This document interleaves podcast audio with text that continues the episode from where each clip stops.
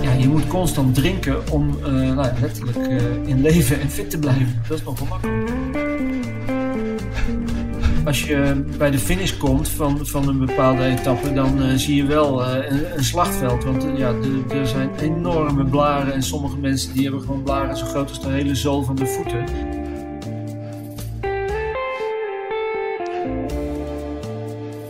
Ja, bij de Pacer houden we wel van een beetje variatie.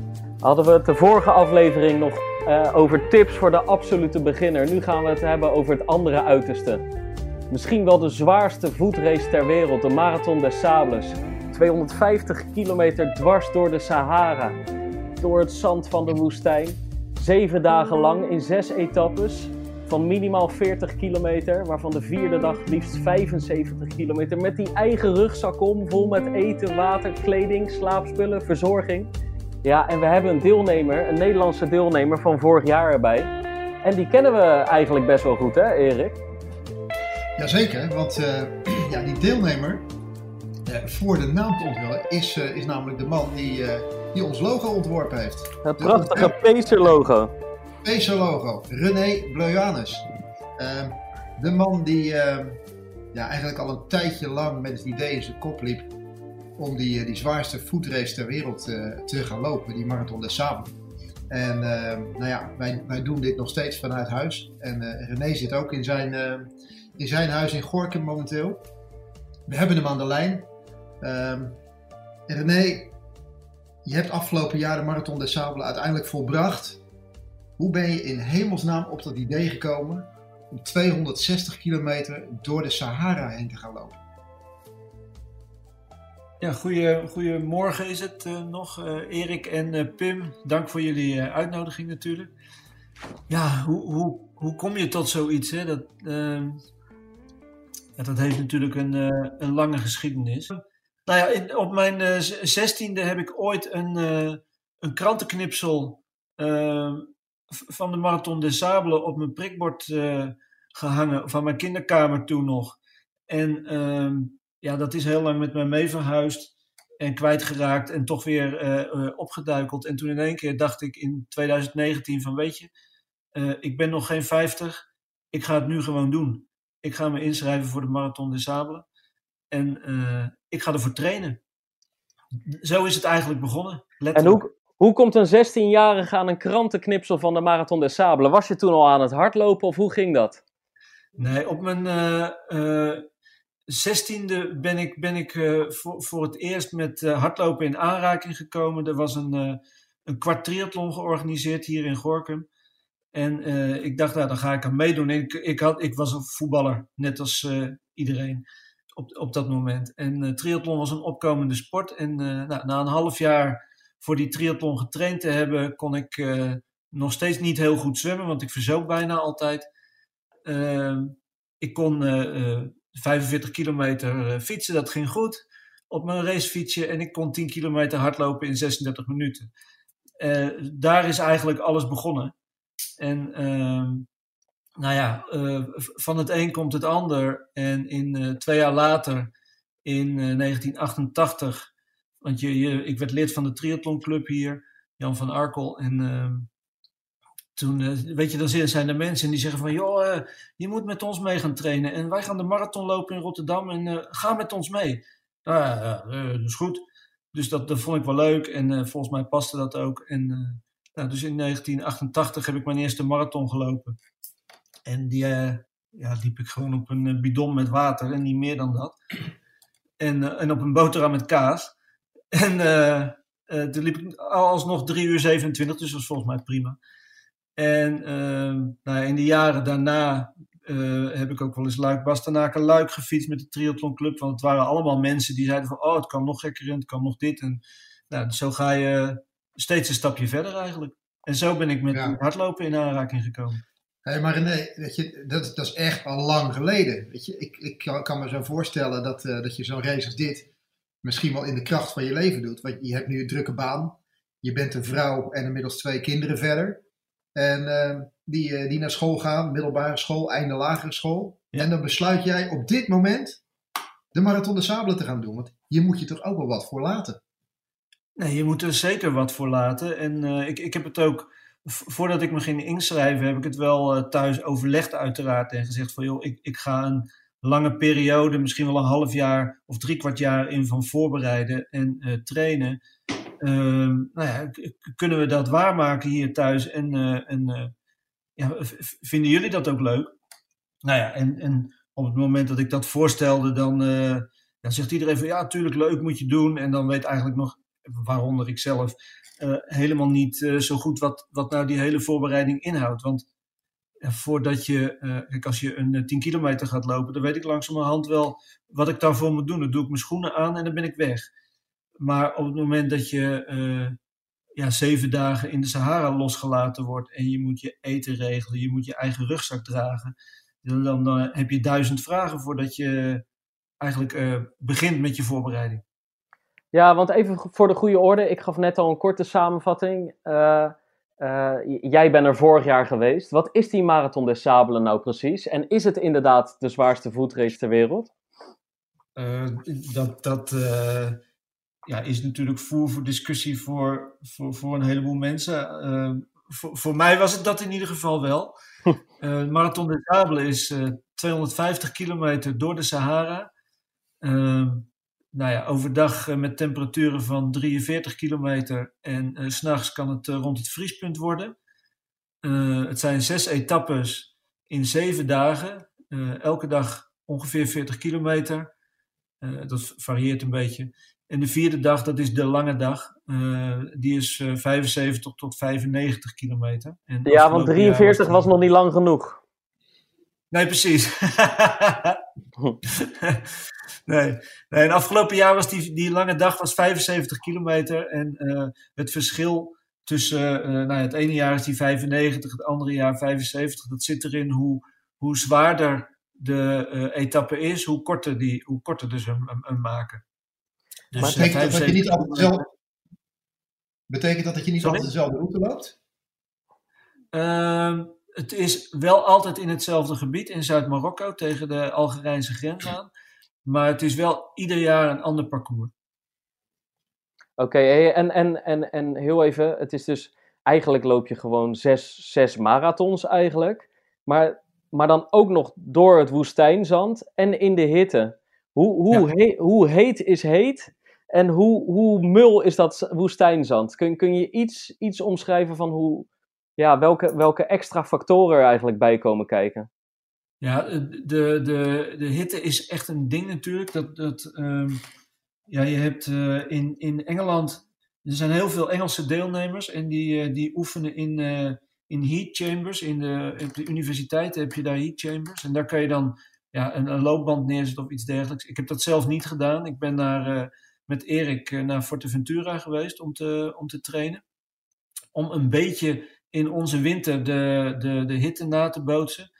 Maar het is echt onnoemelijk warm natuurlijk. Want ja, 43 graden is normaal al heet. Het is er kurkdroog. En uh, ja, je moet constant drinken om uh, nou ja, letterlijk uh, in leven en fit te blijven. Dat is nogal makkelijk.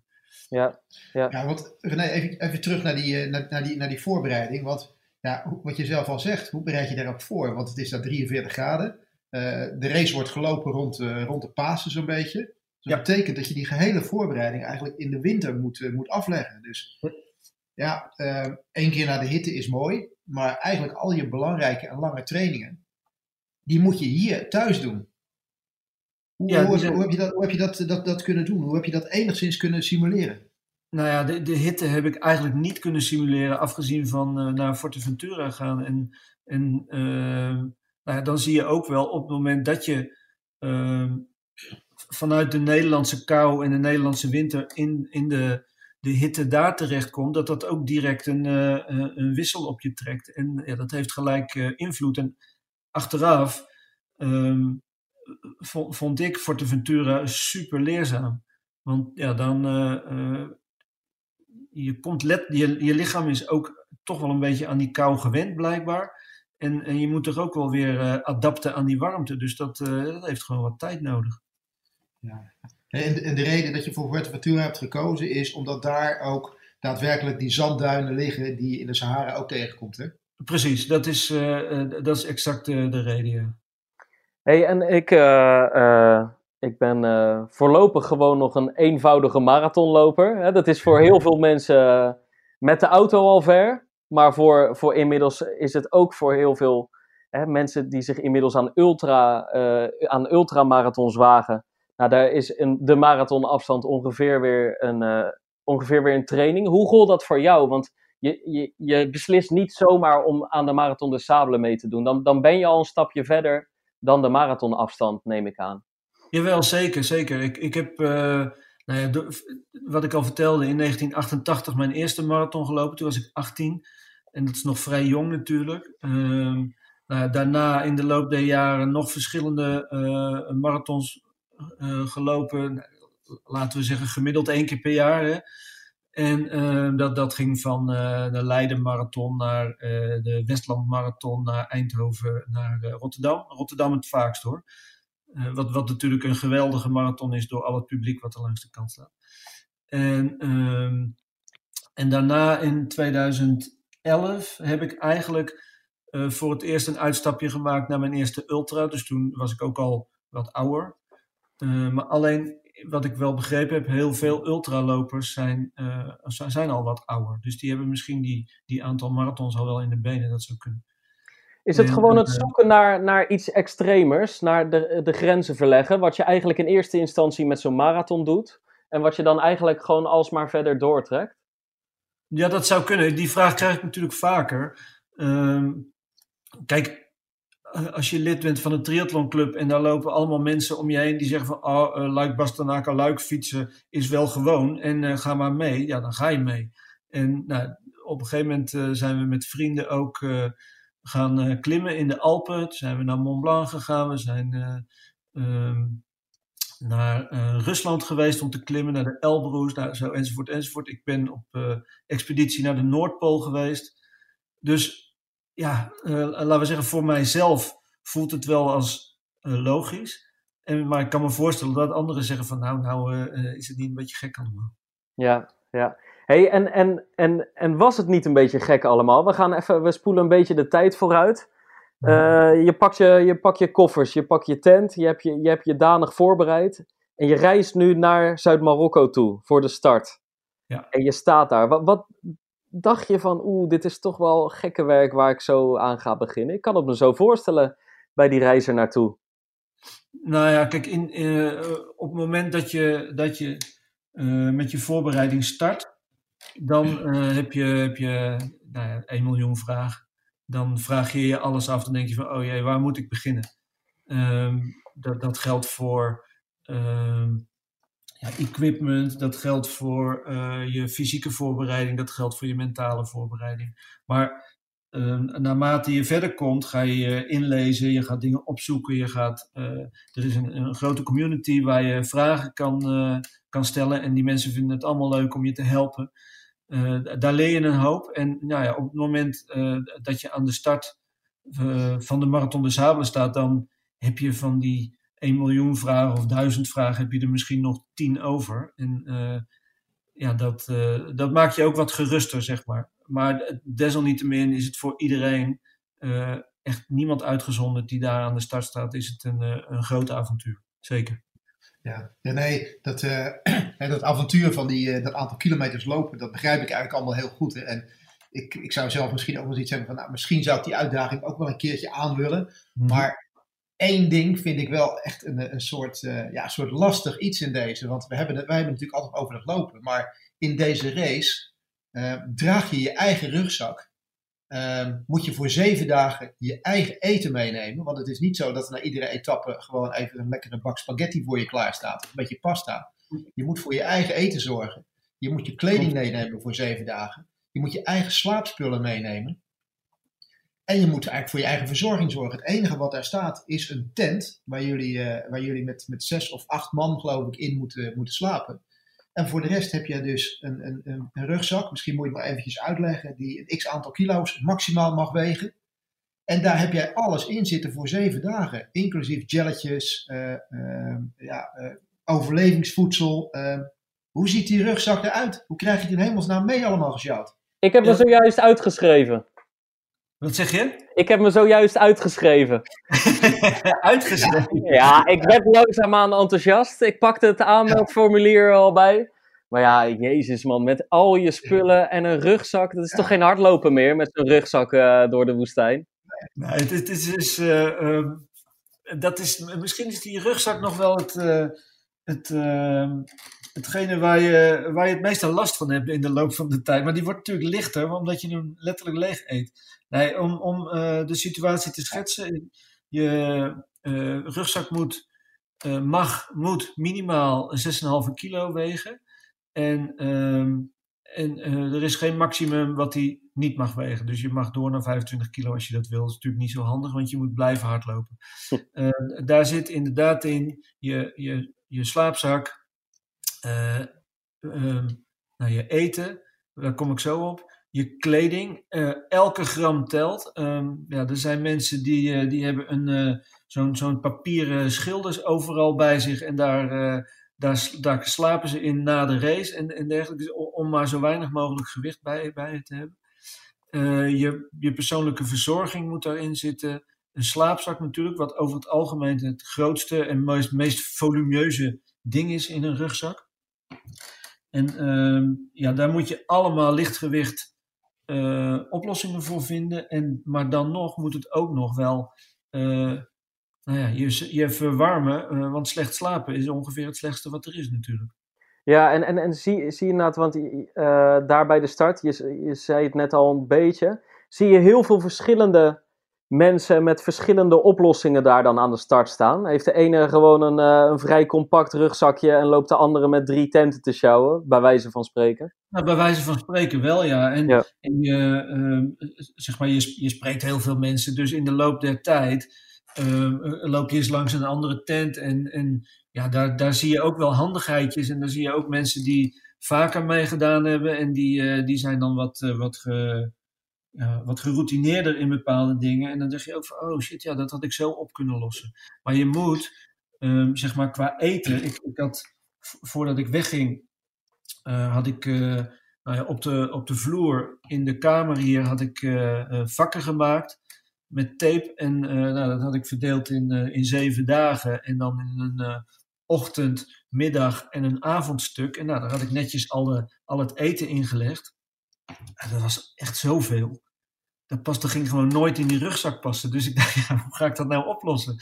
En nou, toen heb ik nog met, met Erik gebeld van, joh, wat heb ik nou minimaal nodig volgens jou? En wat heb ik nou maximaal nodig? En je hebt een, een, een verplichte lijst en daar moet uh, minimaal 2000 calorieën per dag in zitten. Nou, om om een idee te krijgen, je avondeten is al 1000 calorieën. Tussen de 500 en 1000 calorieën. Dus ja, dan heb je je jelletjes nog, je hebt wat nootjes, je hebt een ontbijt, een, een middageten. Nou, je hebt een, een uh, zeg maar, je eten maak je ook zelf klaar. Dus als je, als je gefinished bent, kom je in het kamp, ga je eerst jezelf verzorgen. Daarna ga je je eten klaarmaken, daarna ga je slapen.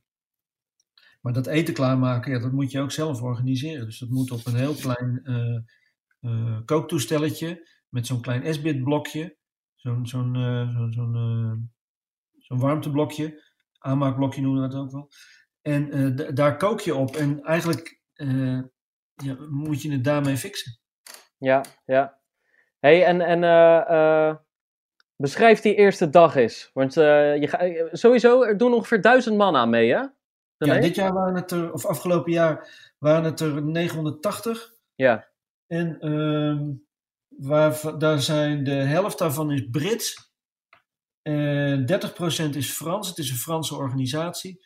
En 20% is uh, internationaal. Ja, precies. En word je dan weggeschoten met een startschot? Of hoe gaat dat?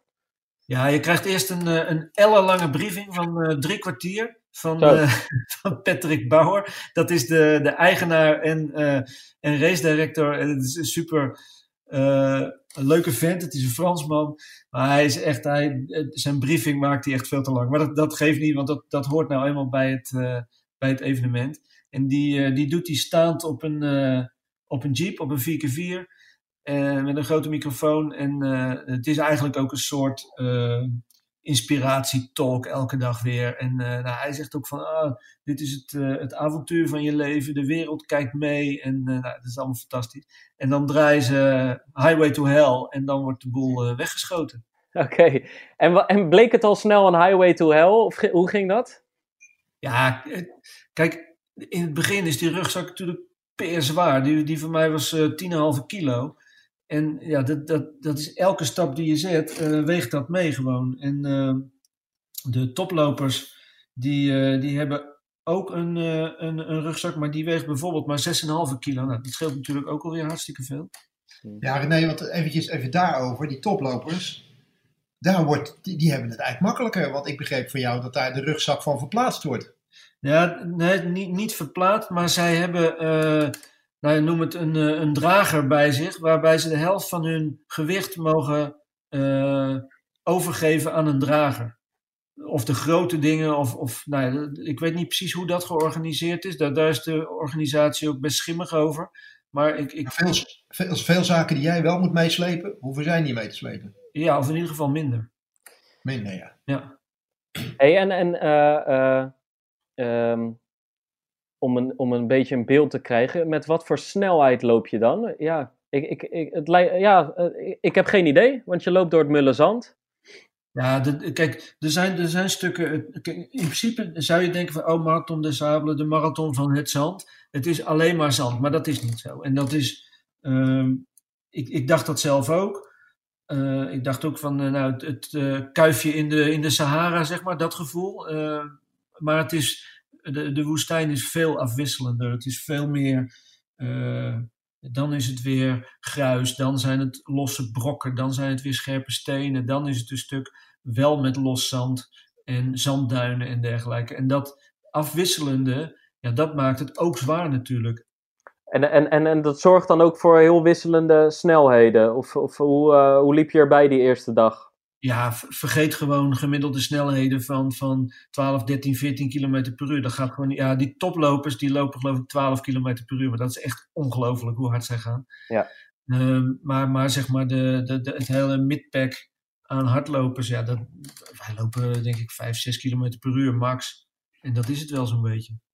Hey, ze zeggen wel eens de marathon begint bij 30 kilometer. Hoe was, hoe was jij eraan toe die, op die eerste dag, na dat punt? ik, ik was na 10 kilometer al voorop. ja, ik kan me voorstellen. Ja. nee, ja. Kijk, weet je, doordat het... Uh, je hebt om, om de 12 kilometer heb je een, uh, een checkpoint. Dus je loopt wel van, van checkpoint naar checkpoint. En bij die checkpoints krijg je uh, elke keer anderhalve liter water. En die anderhalve liter die, die uh, moet op zijn bij het volgende checkpoint. Daar controleren ze op. En of jij hem nou gebruikt om op te drinken of om jezelf te koelen, eh, dus over je hoofd te gooien, dat moet je zelf weten. Maar hij moet op zijn in ieder geval. En um, doordat je van checkpoint naar checkpoint loopt um, en je toch eigenlijk helemaal niet met je gemiddeldes bezig bent, want dat, ja, eigenlijk telt dat gewoon niet. Um, ja, is, is, het, is het redelijk overzichtelijk. Je hebt allemaal kleine doelen steeds. En dat, dat vind ik heel prettig. En, uh, en zo zit de trailwereld überhaupt wel in elkaar natuurlijk. En je maakt dus een praatje met mensen. En, uh, dus er is niet uh, een, een overal haastig schema of zo, helemaal niet. Ja. Hey René, en die, die eerste dag is dan achter de rug. Ja. En dan, dan kom je bij je tent aan. En is het dan, is het dan wat je ervan had verwacht? Valt het dan mee? Valt het dan tegen? Um, heb je dan het idee uh, van in die hele voorbereiding heb ik mezelf iets voorgesteld van wat het zou, daadwerkelijk zou zijn? Is het dan ook daadwerkelijk zo? Ja, het is zwaarder.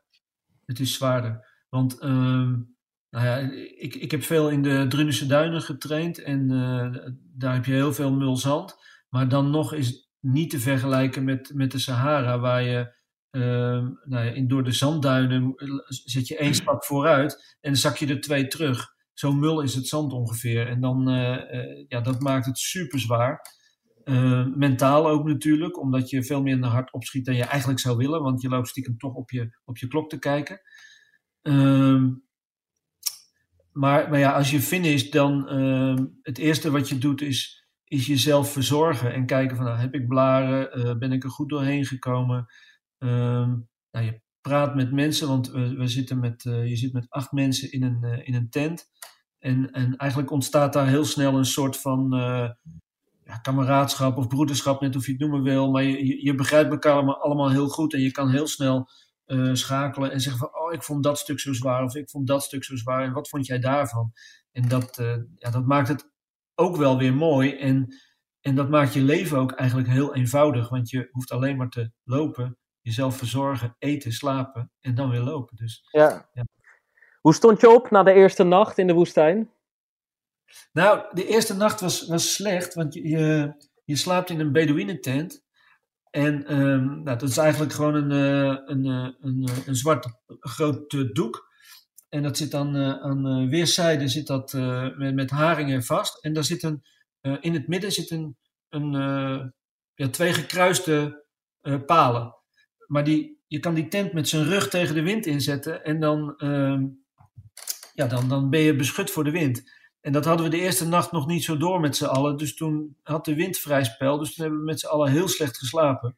en dan is het gewoon koud, want dan is het rond het vriespunt.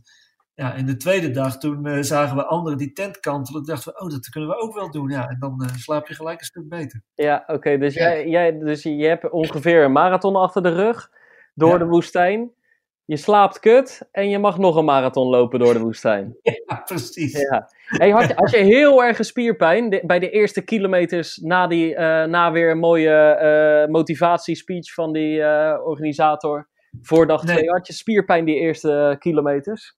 Nee, helemaal niet. Ah, helemaal niet. mooi. Ja, dat, dat, dat voelt als goed voorbereid, hè? Ja, ja inderdaad. Ja. Hey, en, ja, ja. ja.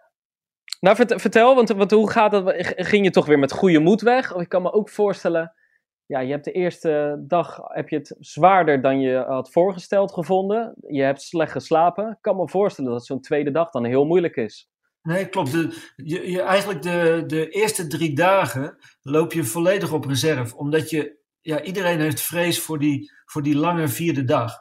En dus je, je bent constant probeer je jezelf te pushen, maar je probeert toch ook in te houden. En dat is, ja, dat is een beetje tussen hoop en vrees leven eigenlijk. En dat is best moeilijk, want um, ja, je wil ook niet uh, te langzaam gaan lopen en achteraf binnenkomen en denken van ja, ik heb het eigenlijk mooi laten liggen, het had veel harder gekund. Dus dat is, dat is constante overweging.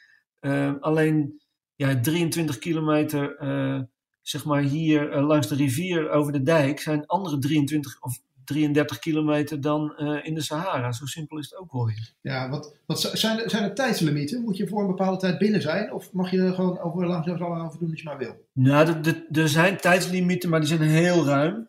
En uh, dat heeft een reden. Ze, uh, er zijn ook mensen die, die wandelen de Marathon des Sables. Die wandelen alle etappes. En ehm, ze willen die mensen ook gewoon binnen laten komen. En ehm, de, de de cut-off, of zeg maar de, de, de, de, tijd, de tijdslimiet, de, de, op het moment dat iedereen start, uh, starten er ook twee Bedouinen die wandelen, stapvoets, met een kameel. En die moet je voorblijven. Al blijf je ze maar een stap voor, dan ben je binnen de tijd binnen. Je moet sneller zijn dan een kameel. Je moet sneller zijn dan een kameel. dat, zou, dat zou, zou, moeten kunnen, René. Ja. En dan, die, die tweede dag, is dat dan een hele andere etappe? Of heb je zoiets van, nou, uh, nou was weer hetzelfde als gisteren, veel zand en veel stenen? Nee, nee, nee, want uh, in, in de tweede dag, je, je krijgt elke dag een, uh, een routeboek, of je krijgt sowieso een routeboek, en eh, daar kan je al in kijken. En ehm, nou, ik blader er nu zelf doorheen, en daar zat het, het stuk tussen het eerste checkpoint en het tweede checkpoint, dus dat is kilometer 13 tot kilometer 26, dat was alleen maar zandduin. En uh, ja, dat was echt uh, hel op aarde. Dat, dat, durf ik je wel te vertellen. Was, ik, ik, ik heb mijn, uh, mijn reisverslag er nog op teruggekeken. En dat waren echt de, de 16 zwaarste kilometers uit mijn leven die ik ooit gelopen heb. En ehm, afgezien van, van dat het super zwaar is en dat je afziet. En ja, je moet. Ehm, je krijgt. voor de race krijg je zoutpillen. En daar moet je die moet je innemen, want die zorgen dat je vocht vasthoudt. En uh, nou ja, zij adviseren van, joh, neem er twee. tussen elk checkpoint. Maar het kunnen er ook drie zijn of vier. En daar moet je zelf enorm mee, moeten, mee, ja, mee leren omgaan. En dat moet je jezelf een soort van eigen maken. En ja, ik kwam erachter dat ik per checkpoint drie van die pilletjes nodig had. En dan, dan, dan ging dat goed. Ehm, want vocht vasthouden is super belangrijk natuurlijk, want anders droog je uit. Ja, precies, precies. Hey, maar ik wil nog even terugkomen op dat zand. Weet je, hoe, hoe doe je dat met je schoenen? Want uh, ik kan me voorstellen dat inderdaad het zand echt overal zit. Maar het laatste wat je wil is, uh, is zand in je schoenen. Ik heb, ik heb beelden gezien van uh, mensen met een soort van kappen om hun schoenen heen en alles. dat had jij ook, hè? Ja, ja, ja. Ik, ik, heb, ehm, ik heb daar heel veel aandacht aan besteed. Ik kwam vo voordat we ehm, vertrokken, dan nou, ga je natuurlijk voorbereiden en ook je, je schoenen wil je op orde hebben. En ik, begreep van uh, Raymond van Golen, dat is een oud deelnemer uit Gorkum ook, van de Marathon de Sable. Die zei van, als ik je één tip mag geven, zorg dat je voeten zandvrij blijven. Zoveel mogelijk. Dat is, dat is de overal tip die hij die, die, die, had. En nou, je kan een soort uh, kappen kopen, of gaiters noemen ze dat, of beschermers, net hoe je het noemen wil. En die kun je met klittenband dat klittenband lijm je dan op je, op je schoenen als reepjes. En dan kan je die kappen die kan je met klittenband los en vastmaken elke keer. En, uh, maar ik vond dat een beetje, een beetje amateur eruit zien. Dus ik dacht, nou, ik ga dat anders doen. En uh, ik ga ze gewoon vast laten naaien, die, die kappen op mijn schoenen. Dus ik ben naar de plaatselijke schoenmaker gegaan en gezegd van, joh, kan jij ze uh, vastnaaien? Nou, en toen na drie dagen belde hij me. Hij zegt, het is gelukt. Ik heb ze eerst gelijmd en toen twee keer gestikt. En uh, nou, dat was, achteraf was dat een gouden greep. Want ik heb echt ja, gewoon nul zand in mijn schoenen gehad. En dat is echt, echt uh, bijzonder. Want nou, ik denk dat 99% van de mensen met blaren loopt door al het zand wat in die schoenen komt. Zand en de warmte. hey René, dus jij begaf je op de hel op aarde, maar wel zonder zand in je schoenen. Zonder zand in mijn schoenen. hey, en hoe zag die hel op aarde eruit? Want ik kan me voorstellen, Kijk, je, eh, het is nu uh, maandagmiddag, ongeveer een jaar, ruim een jaar later. Ja. Maar ik kan me ook voorstellen dat je dan gewoon af en toe half huilend gehurkt in dat zand zit en denkt, ja, ik ga het niet volbrengen of ik kan dit helemaal niet of waar ben ik aan begonnen? Nou, je, je hebt natuurlijk altijd goede en slechte momenten tijdens zo'n etappe, dat is duidelijk. En, en zeker wanneer, je, wanneer het zo heet is en ehm, ja, je, je, je, moet, je moet voort blijven bewegen natuurlijk, maar je, je moet ook zorgen dat je, dat je goed blijft drinken, dat je goed blijft eten. En op het moment dat je, dat je moe wordt, ja, dan zijn dat de eerste dingen die je niet meer wil doen natuurlijk. En uh, ja, op een gegeven moment, uh, ergens halverwege die zandduinen, toen was het ook zo onnoemelijk heet. Toen, toen ben ik gewoon gaan zitten eventjes om mezelf te ventileren en uh, om zoveel mogelijk uit te doen. Uh, ja, ook weer niet alles uitdoen, want dan verbrand je weer als een, als een kreeft natuurlijk. Dus je moet daar ook weer rekening mee houden. Ja, en, en die hitte, ja, dat is echt, oh, dat vond ik ook waar. Ja, ik, weet, ik, ik kan me voorstellen, ik was afgelopen najaar in Qatar. Ja, daar heb ik bijvoorbeeld alleen maar op de loopband binnen in de airco gelopen. Want buiten was het gewoon nou, hoog in de 30 graden. Maar be een be beetje denk ik, hè, dat voelt toch aan als, als woestijnhitte. En dan was het niet eens zo heet als dat jij net beschreef. Ja, je, wordt, je loopt tegen een soort muur aan. Je kan echt bevangen, ja, bevangen worden door de hitte. Uh, het, het, lijkt me zo'n zo extra tegenstander eigenlijk. Ja, maar dat, dat is het ook hoor. En, en dat, is, dat is zo gek, omdat je omdat je dat in Nederland gewoon niet kan trainen. Ja, er zijn wel eens gekke dagen, dan is het 36 graden en dan ga je lopen en dan, uh, dan, dan is het weer veel te benauwd hier. Want het is totaal anders, omdat het zo kurk en kurk droog is daar. En, en uh, ja, die hitte is, dat is en blijft een ding. Dat is, dat is absoluut waar. Ja, ja. Denk, je, denk, je tijdens, denk je tijdens die race terug aan trainingen die je gedaan hebt? Want uh, nou, ik, ik, ben, uh, ik, ik, heb, ik heb je schema mogen maken, wat ik al lastig zat vind om, om, om een schema te maken voor een race die je zelf helemaal niet kent. En je kunt ook die afstand niet echt nabootsen. Uh -huh. uh, maar je probeert toch in zo'n training af en toe in een situatie te komen qua vermoeidheid en mentaal. om, om te kunnen kijken of dat iets is wat je tijdens die race ook tegen kunt komen. Ben je, ben je tijdens die race bezig dat je denkt van, dat je terugdenkt aan bepaalde trainingen waarvan je denkt van nou, ik vind het wel goed dat ik die gedaan heb of, of wat dan ook? Ja, zeker, zeker. De, Nou ja, sowieso, jij hebt mij in mijn schema's of in mijn training van, van Rotterdam naar Gorkum laten lopen. Dat was bijna 50 kilometer. toen was het stervenskoud en ik vergat mijn handschoenen, dus dat was, dat was lekker. daar heb ik nog vaak aan gedacht. Maar, maar dan juist in tegenovergestelde natuurlijk. Ehm, maar ook de training die wij gedaan hebben in Forteventura. Dat ik op een gegeven moment ook een soort van uh, bijna hongerklop had. En dat jij zei tegen mij van joh, uh, hoe zit het met je eten? Heb je dat wel goed op orde vandaag? En ja, dat ik erachter kwam dat, de, dat de voeding, dat dat gewoon te weinig was die, die ik genomen had. En ja, daar leer je superveel van. En dan kan je zeggen van ja, maar weet je dat dan nog niet na die 50 jaar hardlopen? nee, blijkbaar niet. Wat was je langste training in je voorbereiding? 75 kilometer. Oké, en waar heb je die gedaan? In de, in de Drunense Duinen. En dat was, uh, je hebt het, uh, het mountainbike parcours in de Drunense Duinen, dat is 25 kilometer. Dus ik heb daar drie rondjes gelopen. En ehm, Erik heeft het eerste rondje meegelopen.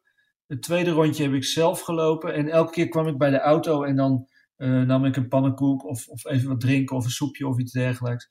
En de derde ronde heeft Sebastian meegelopen, dat is, dat is een vriend ook. En die, uh, ja, die, die zorgen dan ook wel voor de, de medelopers, zeg maar, voor mentale ondersteuning.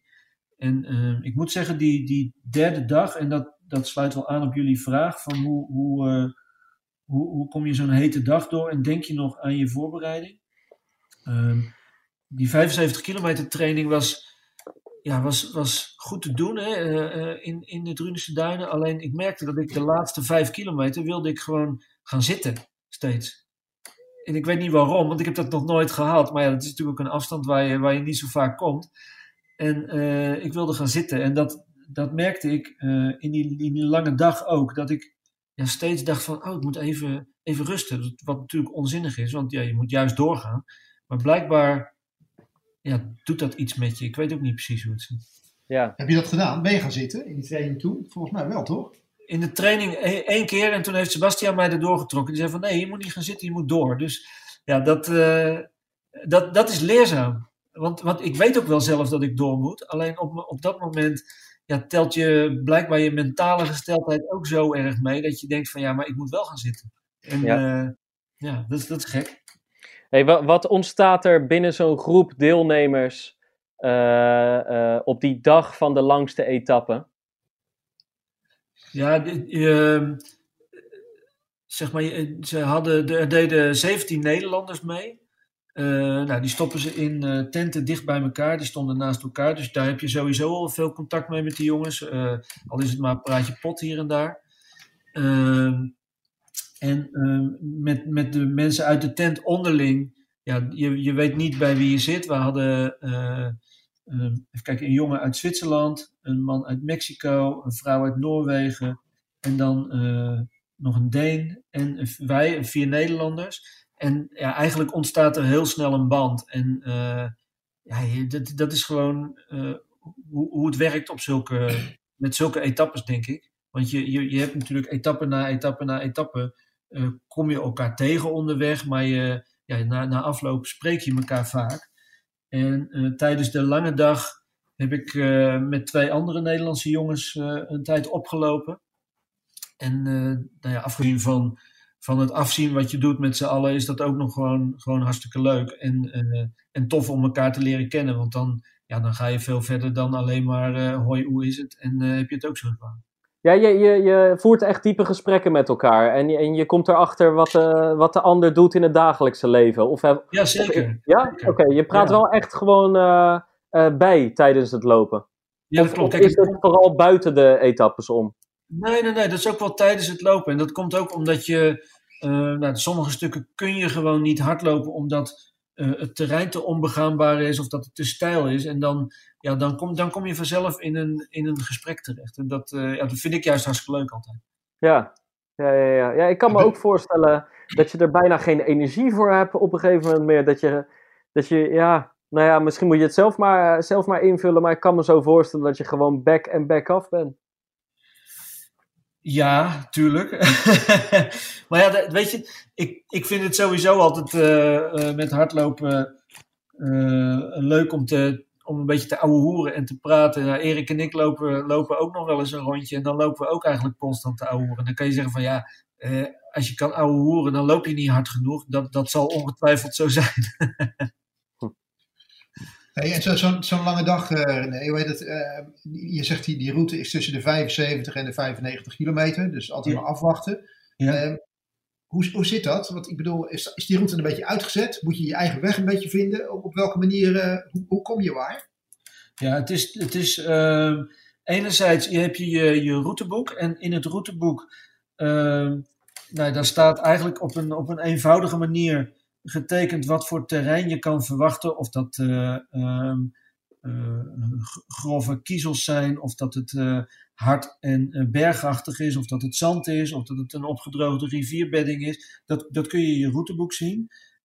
in je routeboek staan ook de kompaskoersen. Want je, in je verplichte kit zit ook een, een kompas en daar moet je mee kunnen navigeren. En nou, wij hebben het niet nodig gehad, maar op het moment dat er een, een zandstorm of iets dergelijks komt, dan is je zicht weg. En dan, ja, dan zal je op, je op je kompas moeten navigeren. Hey, ik heb, ik, oh, ja, sorry. Ja, vertel. Ja, we komen er zo op terug. En daarnaast hebben ze ehm, nou ja, stenen met, met een soort fluoriserende verf gemarkeerd. Daar staan stippen op. En, en Um, nou ja, je, heel vaak kiezen ze wel de natuurlijke loop uh, in, in, een, in een bepaald gebied, zodat je snapt van, oh, ik, zal, ik moet daarheen en het is ongeveer die koers. Maar je, je, uh, uh, je zou in theorie dus ook nog verkeerd kunnen lopen? Zeker wel. Ja, is het gebeurd? Nee, ik ben niet verkeerd gelopen. Okay. Nee, het is, het is überhaupt niet gebeurd. En dat komt ook, um, wij hebben een een, uh, een spot. En dat is een, een GPS-trekker op onze schouder. Die heeft elke deelnemer op zijn schouder. En daarmee uh, kunnen sowieso. Uh, is er een website waarop je live gevolgd kan worden, dus door Thuisfront. wat, wat echt heel leuk is. Um, en daarnaast is die, staat die spot ook in verbinding met de organisatie. Dus op het moment dat jij vijf kilometer buiten de route begeeft, dan, dan komen ze je gewoon halen. Maar het is wel, kijk, het is allemaal leuk en aardig. Alleen Erik en ik zijn op 6 januari in Capelle en de IJssel verkeerd gelopen terwijl we een fietser voor ons hadden. Ik, ik zou heel de tijd, echt, ik snap de uitdaging, ik snap de mentale beproeving. Maar ik zou met een soort angst in mijn lijf lopen in die woestijn dat je toch maar niet een keer links gaat waar je rechts zou moeten, ondanks die fluoriserende stenen en die GPS-track. Ik zou echt de bibbers hebben. En dat, dat lijkt me toch een, onprettig gevoel bij zo'n zware fysieke test. Ja, dat, maar dat, dat, maakt het natuurlijk onderdeel van het, uh, uh, van het avontuur. Hè? Want het, natuurlijk zit daar een stuk onzekerheid in. En op het moment dat je, dat je daar nog niet geweest bent in die woestijn, dan denk je, nou, mijn god, hoe ga ik dat in godsnaam fixen allemaal en, hoe, hoe, hoe ga ik mijn weg vinden? Maar op het moment dat je daar bent, ja, die organisatie doet er ook alles aan natuurlijk om jou binnen te laten komen. Die willen helemaal niet dat je verdwijnt.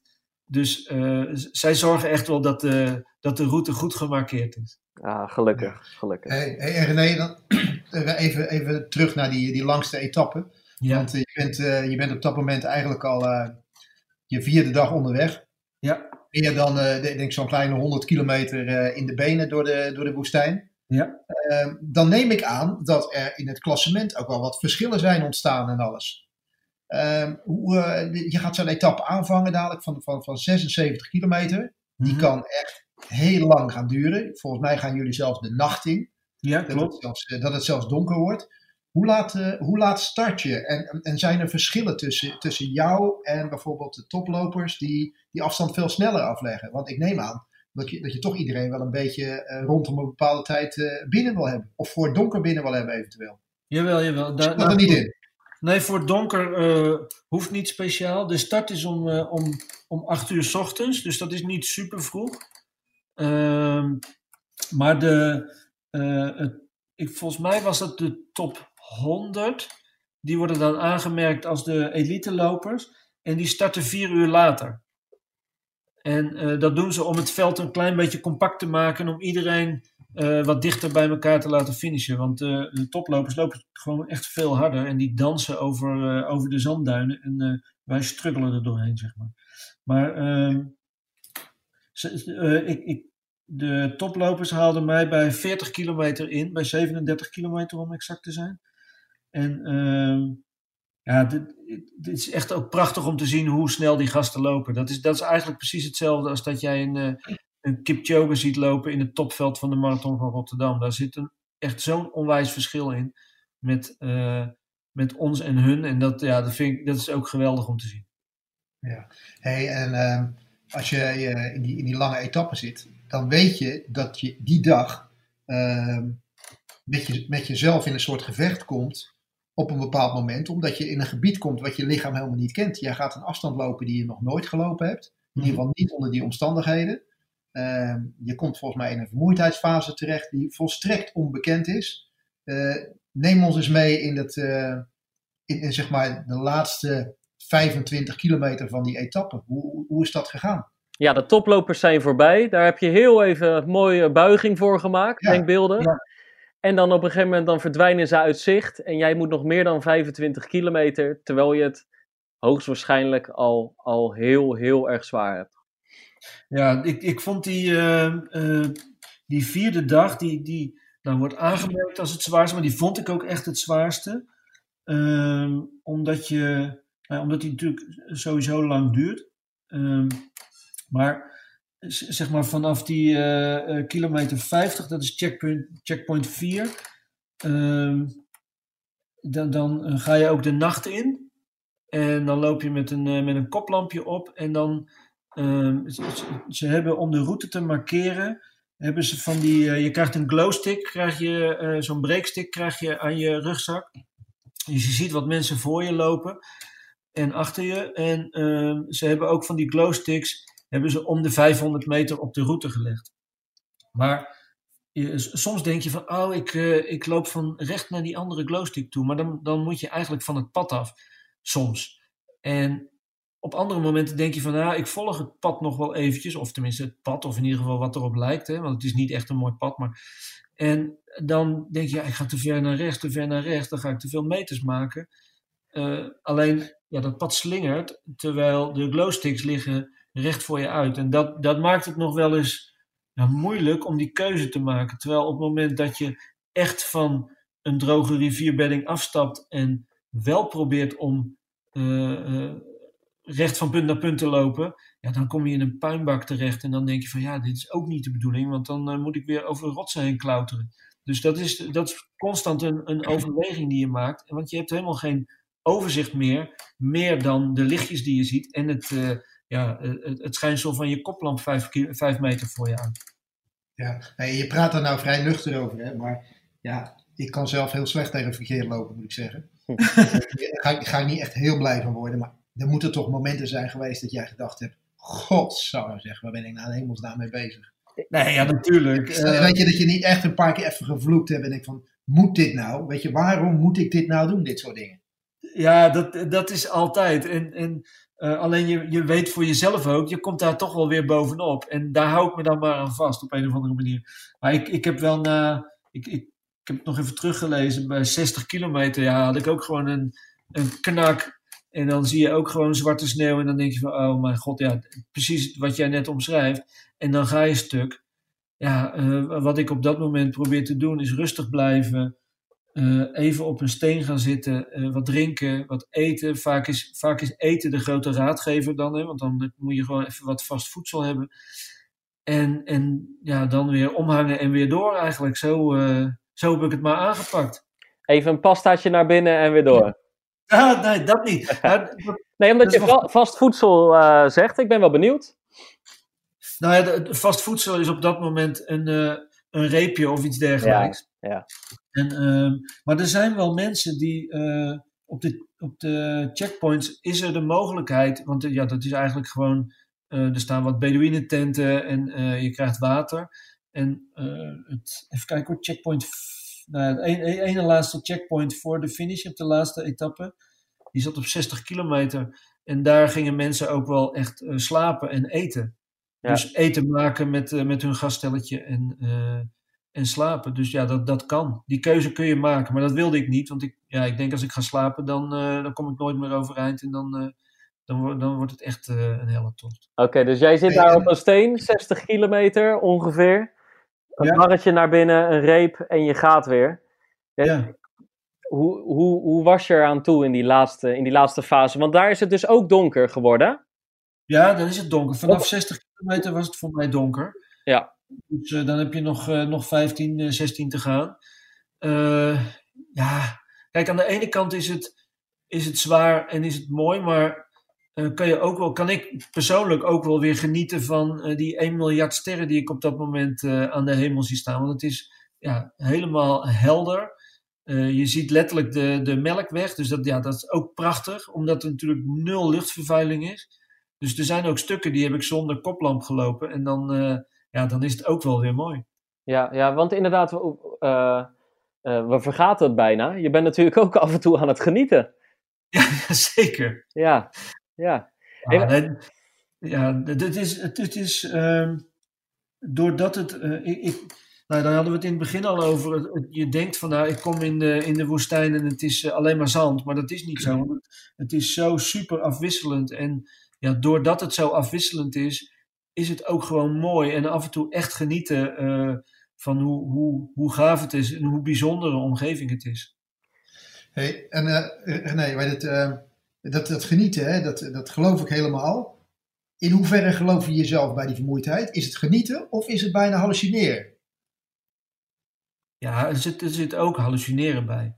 Zeker wel. Vertel eens. Vertel nou, eens. Ehm, op een gegeven moment de, in de laatste, nou, ik denk 10 kilometer voor, voor de finish. Er zit een, een hele steile klim in. En uh, op een gegeven moment uh, dan kom je in een soort cadans. En uh, ik liep naar boven toe en ik dacht, goh, wat, wat ligt die, dat lampje toch ver weg. op die top van die helling. En toen kwam ik erachter dat het toch de sterren waren. Dus, dus een soort van hallucineren is het wel, denk ik.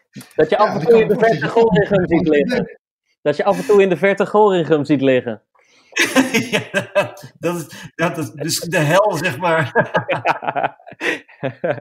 hey, en heb je. Uh, uh, um, uh, kijk, je hebt natuurlijk ontzettend zware momenten. Maar heb ja. je aan, aan uitstappen of opgeven gedacht? En dan bedoel ik niet even een voorbijvliegende gedachte. Maar dat het gewoon echt een realistische uh, gedachte is en wikken en wegen van ga ik nog wel door? Ga ik uiteindelijk die zes, zeven etappen, hè? ga ik uiteindelijk de finish bereiken? Nee, geen moment. Oké. Okay. Nee, dat, ik, uh, afgezien van dat ik het niet zou willen, ja, dat is nog wat anders. kunnen en willen ligt dan wat verder uit elkaar natuurlijk, als je gaat opgeven. Maar je denkt dan constant van ja, maar als het eventueel, ik, ik heb een drie kwart jaar voorbereid, ik heb, uh, weet ik veel, uh, heel veel poenden voor betaald, dat dit gaat gewoon gebeuren. Dat gaan we gewoon, gewoon volbrengen. En ja, dat is misschien, moet je daar een harde kop voor hebben, dat weet ik niet. Alleen, ik, ik, er, is, er is maar 4% in deze race die uitvalt. Dus het, het uitvalpercentage is super weinig. Het zijn maar 30 mensen. Dus dat, ja, dat vind ik echt heel weinig. Ik geloof dat bij een gemiddelde marathon is dat boven de 10%. Ja, ja. En jij dacht, ik ga niet een van die 30 zijn? Nee, zeker niet. Nee, nee. Waarom is het zo laag? Heeft dat gewoon te maken met dat je ook mag wandelen? Of heeft het, het gewoon wel. te maken dat iedereen daar ook gewoon, hè, wat je net al beschrijft, gewoon super goed voorbereid aan de start verschijnt? Nou ja, kijk, de, de, de, um, als je bij de finish komt van, van een bepaalde etappe, dan uh, zie je wel uh, een, een, slagveld. Want uh, ja, er zijn enorme blaren en sommige mensen die hebben gewoon blaren zo groot als de hele zool van de voeten. en ehm, de, de, de, hoe heet het, die Mexicaanse man die bij ons in de tent zat, die had dat bijvoorbeeld ook. En ja, de dokter die heeft eigenlijk een soort van zijn voetzool geamputeerd en uh, verbonden. En hij heeft gezegd tegen hem van hiermee kun je de Marathon des Sables uitlopen. Niet losmaken. Mhm. Pas als je in je woonplaats bent, dan mag je het weer losmaken. Dus ja, ze hebben 60 dokters rondlopen. Of, of medische verzorgers, net hoe je het noemen wil. Dus er wordt, wordt vanuit de organisatie ook alles aan gedaan om uh, iedereen binnen te krijgen. Ja. Hey, en in dat, in dat laatste, die laatste paar kilometers van die 76 kilometer, zie je op een gegeven moment de finishlijn liggen? Ja, het is, het is altijd het, uh, je, je, het kamp of het bivak, hè, bivouac zoals het in het Frans heet. Uh, dat, dat verlichten ze en dat zie je liggen. En dat is natuurlijk super fijn. Alleen uh, je weet nooit exact hoe ver het is. Al, alhoewel ik mijn, op mijn GPS kon zien hoe ver ik nog was en hoe ver het nog was. En dan, dan ben je wel blij. Maar die laatste vijf kilometer gingen echt wel in survival modus voor mij. Dat, je zegt net dat GPS, maar dat GPS-horloge is er onderhand wel leeg na, na die dagen. Heb je wel wel oplaadpuntje? Nee, zeker niet. Ik heb geen oplaadpuntje. Nee, ik had op aanraden van jou heb ik uh, mijn horloge bewaard tot de lange dag. en dat, dat, dat was een hele goede tip. Want ja, ik bedoel, een, een, mijn, mijn GPS-horloge gaat ongeveer 30 uur mee op uh, GPS-modus. Ja, dan zou die inderdaad al leeg zijn na de eerste drie dagen. En, uh, maar het is wel op het moment dat je met je GPS kan lopen en je exact aantal kilometers weet, ook tussen de checkpoints in, is het wel veel fijner. En dan daar kan je wel je, je voedingsplan veel beter op, uh, op inrichten, zeg maar. Hey, en er, is, er is een kleine mogelijkheid voor contact met het thuisfront tussendoor. Hè? Vertel eens even hoe dat, hoe dat in zijn werk gaat. Ja, dat klopt. Ehm, als je in het bivak komt na, de, na je finish per dag, dan is, zijn er uh, communicatietenten hebben ze neergezet. En daar staan, even denken, 20 PC's. En daar kun je dan achter gaan zitten. En je mag een, op basis van je startnummer, dat moet je invoeren. En dan krijg je een, een toegangscode. En dan kun je een, een e-mail van duizend karakters typen. En dat is wat je met je, met je achterban aan contact kan hebben. En ik had het zo ingericht dat uh, uh, Jeroen Renes, dat is een vriend van mij, die, uh, en ook ultraloper, die verzorgde eigenlijk het thuisfront qua communicatie. En die zorgde dat die, dat bericht van die duizend tekens, dat dat op social media kwam, dat dat in bepaalde appgroepen naar familie en, en bekenden kwam en zo. Dus die heeft dat keurig doorgezet. En zo, zo kun je toch nog wel mooi contact houden met, met het thuisfront. Had je daar ook uh, ontzettende behoefte aan? Ik kan me voorstellen dat het op een gegeven moment ook gewoon emotioneel wel uh, uh, zijn weerslag gaat hebben. Ja, dat is gek, want ik had dat van tevoren nooit verwacht. Maar het was zeker wel emotioneel. Want je, je krijgt.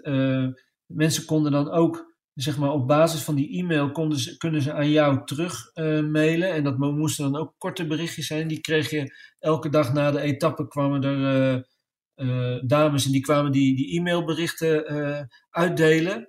En, en die ging je dan lezen. En, en ja, ik vond dat toch emotioneel. En dat had ik niet verwacht. Want je denkt van, ach, weet je, het is maar een weekje en geen probleem. Maar ja, het, het komt uit verschillende hoeken, uit verrassende hoeken, dat mensen je succes wensen. En dat is, ja, dat is echt onwijs tof. Ja, ja. ja. ja je hebt de langste etappe achter de rug. Nou, dan wordt het appeltje eitje richting de finish, hè? Ja, nou ik moet zeggen, mijn, de, de laatste dag, uh, of eigenlijk is dat de ene laatste dag, de echte laatste dag, is een, uh, een charity uh, run. maar de dag 6, of, of, de etappe 6, etappe 5 is het, sorry. Ja, 5. Ja. Is, is marathonafstand, dus 42 kilometer. En ja, dat was wel mooi, want ik kwam in het kamp kwam ik een, een, een Engelsman tegen en die, die had onwijs veel blaren en die liep te hinken. Dus ik zeg tegen hem van, uh, tomorrow is only a marathon. En hij kijkt me aan en hij zegt van, that will be easy mate. Ja, dat, dat, dat ik echt geweldig als mensen zo zijn. Ja, zo, zo staan mensen er wel in daar. En uh, ik moet zeggen, die, die laatste etappe was mijn beste. En uh, heb ik echt uh, goed door kunnen lopen. En dat was wel mooi, want Brielle, mijn dat is de, degene die, die mij gevolgd heeft met film en video. Met, die maakt een documentaire. En die was ook uh, bij de start en bij de finish van die marathon-etappe. Ja, ja. En ja, dus dat is ook gewoon tof. Dus we hebben, we hebben samen nog even gekletst. En hij heeft mij gevolgd. En hij zei van, ik zorg dat ik bij CP2, dat ik daar sta en dat ik jou kan filmen daar. En dan, dan vinden we elkaar wel. Maar ik, eigenlijk liep ik die laatste dag harder dan ik zelf gepland had. Want het ging gewoon super lekker. En ik denk, nou, ik trek gewoon door. En, toen kwam ik bij CP2, bij checkpoint 2. En daar zag ik hem niet. Dus toen was ik eigenlijk een soort van, dacht ik van, ja shit, dan is hij helemaal hierheen gekomen om mij te filmen. En dan zie ik hem niet. Nee, daar, ik, ik, heb nog even gewacht en gekeken en ik dacht, nou, ik ga toch maar door. En later bleek dat hij mij wel gewoon gezien heeft en dat hij daar was. Maar hij zei van, ja, ik wilde mijn, uh, mijn beeld niet verzieken door, uh, door er echt een soort van uh, opgeprikt interview van te maken. Dus hij heeft de beelden wel en ja, dat is wel mooi. Ja, ja hey, want je wilde het vastleggen, dit, gewoon die bijzondere race. Nou ja, het, het, was niet zozeer dat ik dat per se wilde. Alleen hij, uh, hij, is toevallig ook mijn buurman. En, en, op een verjaardag vroeg hij aan mij, hij is zelf niet sporter, vroeg hij aan mij van, joh, wat ga jij in godsnaam doen? En waarom ga je dat doen? En ja, daar had ik eigenlijk niet een heel goed antwoord op. Ja, ik zelf zeg dan van, ja, omdat het kan. Maar ja, dat is, dat is nog niet zo'n goede reden volgens mij. Dus uh, toen zei hij van, ja, ik wil, ik wil daar wel achterkomen en jou constant achtervolgen en, uh, en dat vastleggen met de vraag van waarom. En dan komen we er vanzelf wel achter. Nou, uiteindelijk zijn we erachter gekomen. Uh, maar dat was wel na de uh, Marathon des Sables zelf dat we erachter gekomen zijn waarom. En, en, en wat is de waarom daarachter? Ja, dan moet je de documentaire gaan zien. ja, ja, ja. ja, dan geef ik alles weg ja, nou, je kan in ieder geval een voorproefje geven in ieder geval. Dus, uh, maar goed, dat, uh, dat, dat kan. Ja. Nee, maar we zijn nog. We, we, laten, we, laten we, we gaan die documentaire gaan we bekijken. Gaan we straks ook nog even, even roepen wanneer en waar dat, dat te zien is. Als de, als, als, als de theaters zeg maar weer open gaan. Ja, precies. Uh, maar je moet nog over die finishlijn. Op een gegeven moment komen die laatste kilometers eraan. Ja. En ehm, hoe, eh, hoe voelt dat? Ja, het, het, het voelde voor mij als een dag dat ik echt kon blijven doorlopen, die, die laatste dag. En uh, ja, dan uh, kan je misschien je afvragen van, goh, heb je wel goed genoeg je best gedaan in de dagen ervoor? Dat, dat zou kunnen, maar ja, misschien is het ook wel een, eh, een soort mentale bevrijding van, oh, het einde is in zicht. Uh, ik vond het ook daardoor, eh, als je goed loopt, is het ook nog weer mooier natuurlijk. En ja, we kwamen de, zeg maar net voor de finish moest je nog een bergkam op. En dan uh, zag je de finish liggen in, in de vette. En ja, daar, daar, daar kwam ik met, met drie man tegelijk aan. En we zeiden allemaal van, oh wauw, dit is echt wel een super gaaf moment. En ja, dat, dan, is het, dan is de laatste vijf kilometer zijn echt gewoon puur genieten. En uh, ja, dan voel je eigenlijk je benen helemaal niet meer. Moet ik heel en dan, maakt, dan maakt het niet uit of er wel of geen toeschouwers zijn. Want het is natuurlijk geen volle call single daar. Het is geen volle call single. Um, er staat wel veel uh, pers, er zijn veel filmploegen, er zijn veel fotografen, er zijn, uh, de organisatie is er. Patrick Bauer, dat is dan de, de race director, die uh, staat daar om iedereen persoonlijk ja, binnen te halen. Van hem krijg je ook je medaille en hij zegt dan van, nou welkom bij de familie en je hoort er nu echt bij. En ja, in, in het begin dacht ik ook van, nou ja, het zal allemaal wel. Maar ik moet zeggen, ik vond het toch wel een mooi moment. En het is toch bijzonder. Hey, en en, en hoe was je daaraan toe? Want je, je beschreef net een, een medekampeerder met echte blaren van hier tot Tokio. Um, ik kan me voorstellen dat er bij bepaalde mensen toch sprake is van enige uitdroging. nou, gigantische fysieke slijtageslag. Hoe was jij eraan toe nadat je hem had volbracht? Ja, ik, ik was eigenlijk ehm, nou ja, natuurlijk op het moment dat je gefinished bent, dan, ik was de eerste die van onze tent die, die binnenkwam op die dag. Dus dan, uh, nou ja, wat, wat een beetje de ongeschreven wet is, degene die als eerste binnenkomt, die zorgt dat er uh, geen scherpe keien onder het tapijt liggen waar je, waar je op moet slapen straks. Dus nou, dat heb ik als eerste gedaan. Heb ik opgeruimd en daarna ben ik gewoon ja, gaan liggen. En ja, dan komen anderen binnen en dan omhels je elkaar en dan ben je blij. En maar om nou te zeggen, ik was finaal gesloopt, nou, dat, dat dan ook weer niet. Maar ja, dat komt dan waarschijnlijk toch omdat ik me toch ook echt goed drie kwart jaar had voorbereid. Ja. Hey, en, en, en hoe zwaar begon je aan de race en hoe, uh, hoe licht was je toen de race afgelopen was? Oeh, dat is een goeie. Ik, ik geloof dat ik uiteindelijk 5 of 6 kilo kwijt was. Zo. Toch wel. Maar dat, dat, komt natuurlijk ook omdat je, um, ja, je eet alleen maar het noodzakelijke. En eh, je verbrandt ook weer een hoop. Dus, eh, en, ehm, ja, dat, maar, maar helemaal exact weet ik het niet meer, maar ik geloof iets van 5 kilo of zo. Hoe lang heb je ervoor moeten, van moeten herstellen? Wanneer ben je weer gaan hardlopen? Ehm even denken hoor. Een week later, geloof ik. Oh, ik, ik, ik, ik, had hier, ik had echt een ander antwoord verwacht. Maar blijk, blijkbaar viel het dus, eh, ja, was het allemaal wel goed te doen, René? Nou ja, ik, ik weet nog dat, dat uh, mijn vriendin zei, Anouk, die zei van... Ik dacht, ik, ik krijg echt een gesloopt iemand thuis. Alleen, uh, ja, ik, ik was blijkbaar niet gesloopt. Ik, ik, ik vond, en dat was ook zo, snel hersteld. En uh, nou ja, uh, credits voor Erik. Hij heeft mij gewoon goed opgeleid om uh, heel aan de start te komen en ook uh, heel weer terug te komen. Ik denk, ik denk echt dat dat heel veel gescheeld heeft. Ja, ja. Hey, we zijn nu, we zijn nu een, ja, ruim een jaar verder. Ga je hem nog een keer doen? Of heb je je zinnen op iets anders gezet? Wat, neem ons eens mee ja, in gedachten. Nou ja, normaal gesproken ben ik niet zo van dingen herhalen en nog een keer doen. er zijn uitzonderlijke dingen die, waar, waar ik het wel zou doen. Uh, nou ja, goed, mijn zoon Sol, die is eh, 12. En uh, hij zei van, papa, als ik nou ook mee ga doen, ga je dan mee? Ja, dan doe ik het wel natuurlijk. Maar anders zou ik zeggen van, nou, ik vind de magie van die eerste keer en van die ene keer, daar, daar mag het wat mij betreft wel bij blijven. Want dat vond ik wel echt heel mooi. Ja, en wat staat er dan nu op de planning, voor zover een planning mogelijk is in uh, coronatijd? Ja, dat is op dit moment lastig natuurlijk. Um, nou ja, um, ik heb uh, me ingeschreven voor de Waddentrail.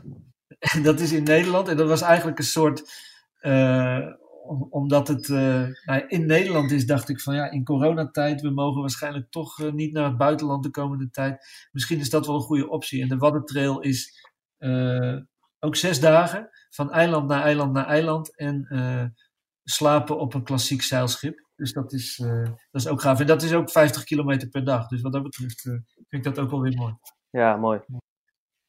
Hey, René, hoe heet het? prachtig verhaal. Mooie, mooie inkijk in, in zeven dagen door de Sahara heen. Hey, mocht, mochten mensen, die, mensen luisteren en nou enthousiast geraakt zijn over jouw verhaal, ja. kunnen, we, kunnen we gewoon inschrijven voor die Marathon de Sabelen? Of moet je aan bepaalde zaken voldoen? Nee, je kan gewoon inschrijven. En je, je moet gewoon een hoop geld overmaken en dan uh, ben je binnen. Ik wil zeggen, kost dat? ja, uh, de inschrijving kost 3500 euro.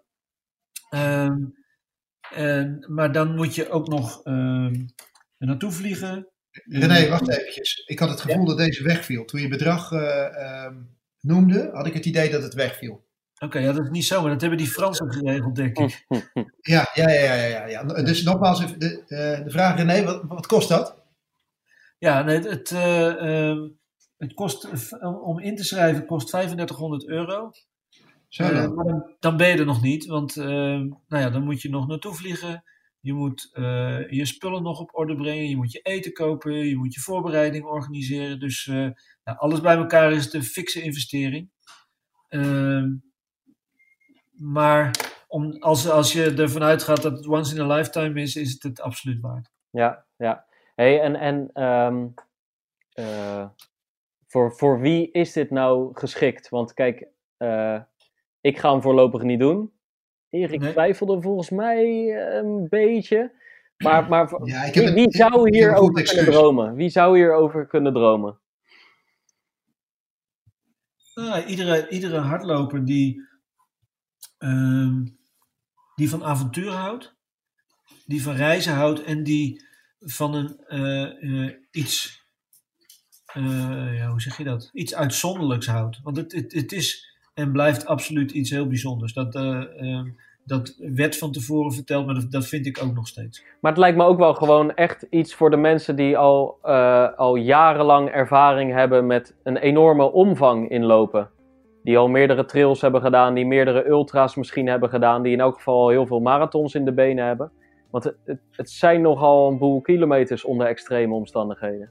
Nee, tuurlijk, tuurlijk is dat zo. En, en uh, jouw lichaam onthoudt heb ik me wel eens laten vertellen, de afstanden die je ooit gelopen hebt. Dus als jij ergens een keer 75 kilometer hebt gelopen, dat onthoudt jouw lichaam op een of andere manier.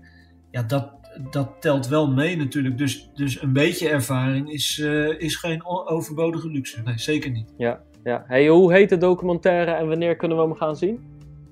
Nou, de documentaire heet Zandloper. Kijk, toepasselijk. Ja, toch?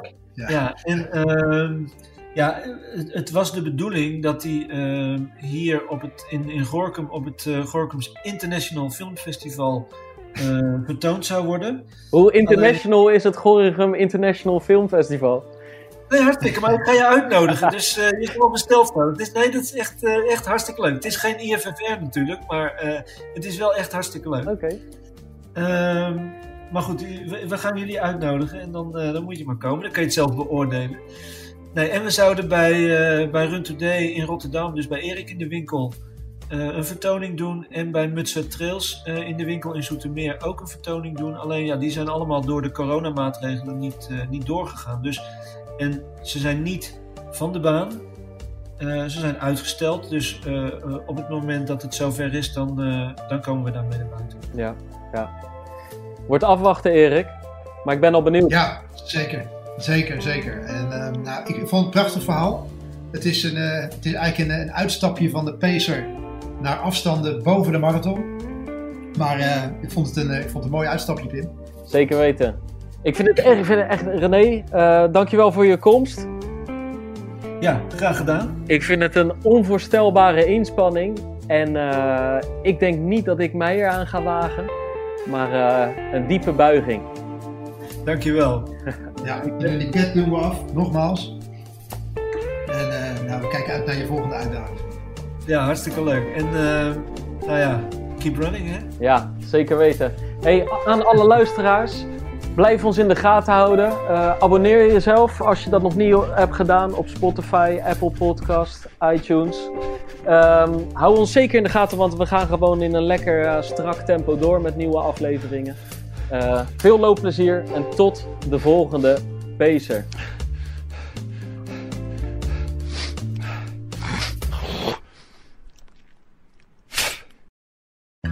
Wereldnieuws gaat ons allemaal aan.